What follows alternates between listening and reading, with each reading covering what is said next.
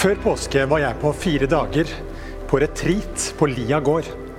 eh, Som en del av pastorkurset som jeg deltar på gjennom Frikirken. Jeg hadde fire dager uten internett, uten mobil, uten nyheter av noe slag og uten telefoner hjemmefra. Tanken var å søke Gud i stillhet, uten de konstante avbrytelsene av enten mine ideer, som jeg sender til andre på telefon, eller andres ideer som plinger inn på min telefon, eller gjennom internett. Impulsene jeg skulle få disse fire dagene på retreat, skulle være fra Guds ord eller fra Guds ånd, istedenfor at f.eks. nyhetsoppslag av varierende viktighet skulle sette agendaen for meg. Retreat er forfriskende og anbefales alle. Men det var også veldig rart og nesten skremmende å stenge absolutt alle nyheter ute. Hva hvis tredje verdenskrig brøt ut mens telefonen min var skrudd av? Det var faktisk en ganske nyttig øvelse å skru av denne nyhetsstrømmen og kunne si til seg sjøl at selv om noe dramatisk skulle skje nå, så er det ikke nødvendigvis min jobb, i hvert fall ikke denne gangen, å våke over situasjonen og prøve å finne løsninger.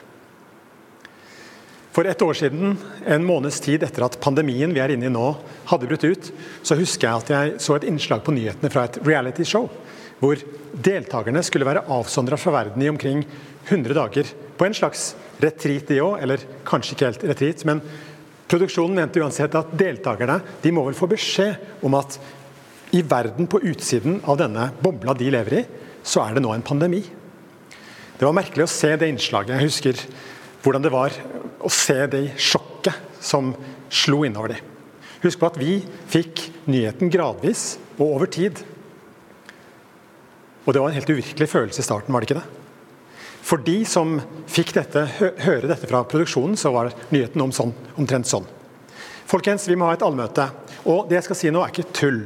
Det er sånn at verden utenfra, der har det oppstått vel et eh, virus. Kanskje fra flaggermus. Kina. Det er dødelig. Det har spredd seg til hele verden. Grenser har blitt stengt. Vi flyr ikke lenger. Skoler har blitt stengt. Sykehusene er fulle mange steder. Folk dør. Akkurat nå er alle hjemme i sine egne hus inntil videre beskjed. Ingen vet hvor lenge det vil vare. Noen som har spørsmål? Jeg kan huske at noen av deltakerne gråt. De satt i sjokk. Og så fikk de lov til å ta én telefon ut til pårørende. Og selv om de kanskje hadde lyst til det, så dro de ikke hjem. For tenk på det. Dette stedet de var nå, var jo det tryggeste stedet i hele verden akkurat nå. Plutselig så var det denne gjengen som var normale sammenligna med resten av verden. Ikke verst for et realityshow. Spøk til side.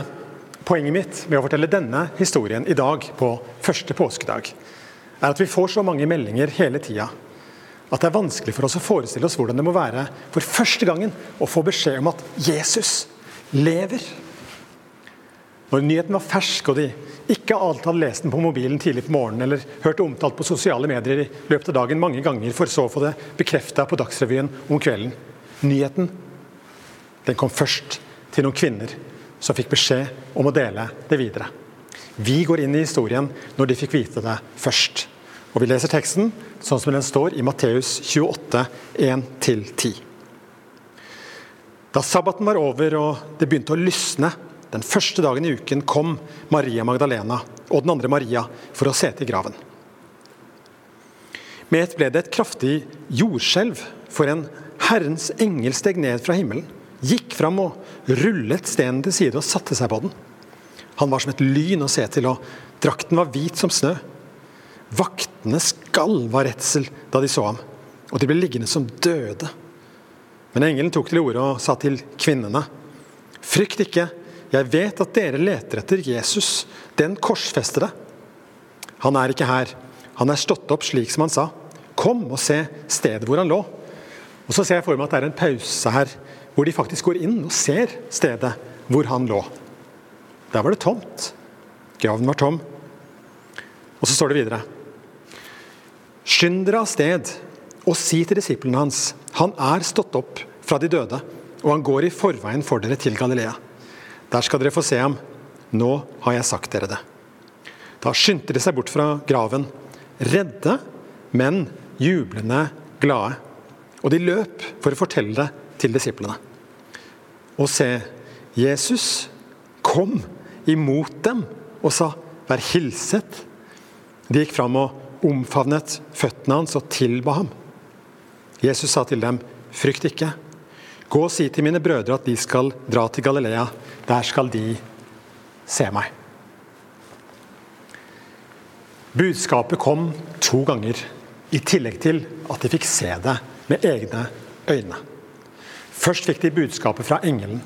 Denne lysende, råsterke skikkelsen som så lett som bare det rulla vekk steinen. På vei til graven denne morgenen så hadde det vært en bekymring i samtalen mellom kvinnene. Det er Markus som har med denne detaljen. Hvem skal vi få til å rulle bort steinen fra inngangen til graven? Steinen var i hvert fall for tung for dem. Sånn går vi, og så snakker vi om våre små eller store problemer ut fra de forutsetningene vi har. Ut fra den kunnskapen vi har. At det sto vakter der i tillegg som ville hindre dem å gå inn i graven, det var de ikke klar over engang. Disse damene de var ikke på vei dit for å bli oppstandelsesvitner. De var der for å salve Jesu døde legeme slik skikken var. De fikk ikke bruk for de salvene den dagen.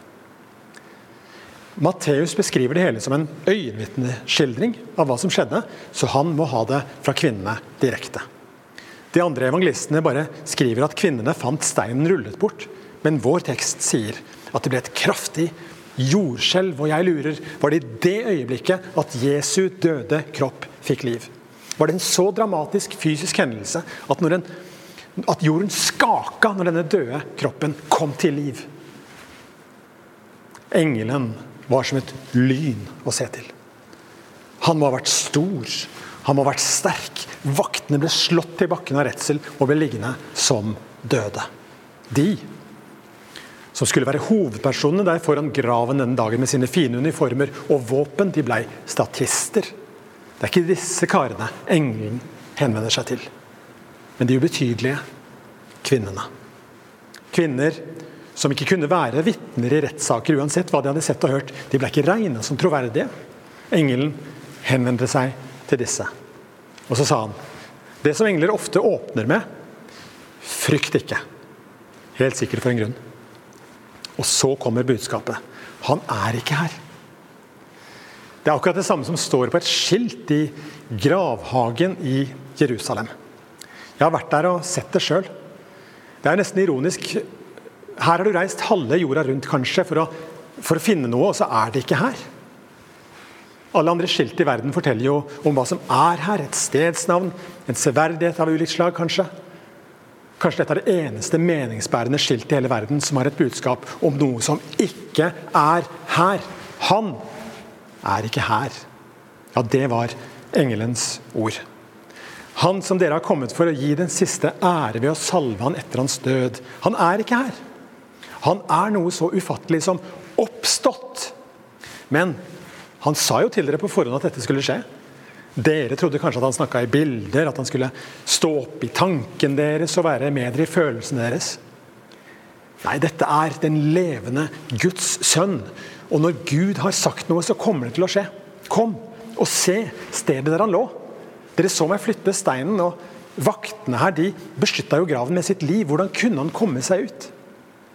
Snart så skulle disiplene få se at den oppståtte Jesus kan gå gjennom stengte dører. Men akkurat nå var kvinnene rimelig forvirra. Graven er beviselig tom. Og Dette får de beskjed om å fortelle til disiplene. Han er stått opp fra de døde, og han går i forveien for dere til Galilea. Og der skal dere se ham med egne øyne. De skynder seg av gårde med blanda følelser. Ja, det er akkurat det det står. Det står at de var redde, men jublende glade. Det går an å ha to følelser på en gang. Minst. Kanskje er dette en overskrift på din situasjon akkurat nå også. La oss ha kvinnene til forbilde på at vi kan ha blandede følelser. Det sies at menn ikke kan gjøre to ting på en gang, men jeg tror i det minste vi kan føle to ting på en gang. I hvert fall hvis vi får tenkt oss litt om. Samtidig som vi er bekymra. Samtidig som vi er urolige. Samtidig som vi famler og er frustrerte over situasjonen.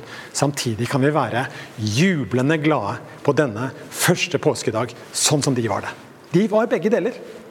Er det ikke herlig? Som sørgende, men alltid glade, skriver Pelus. Vi er ikke endimensjonale. Vi er ikke et hvitt A4-ark. Vi er mennesker av kjøtt og blod.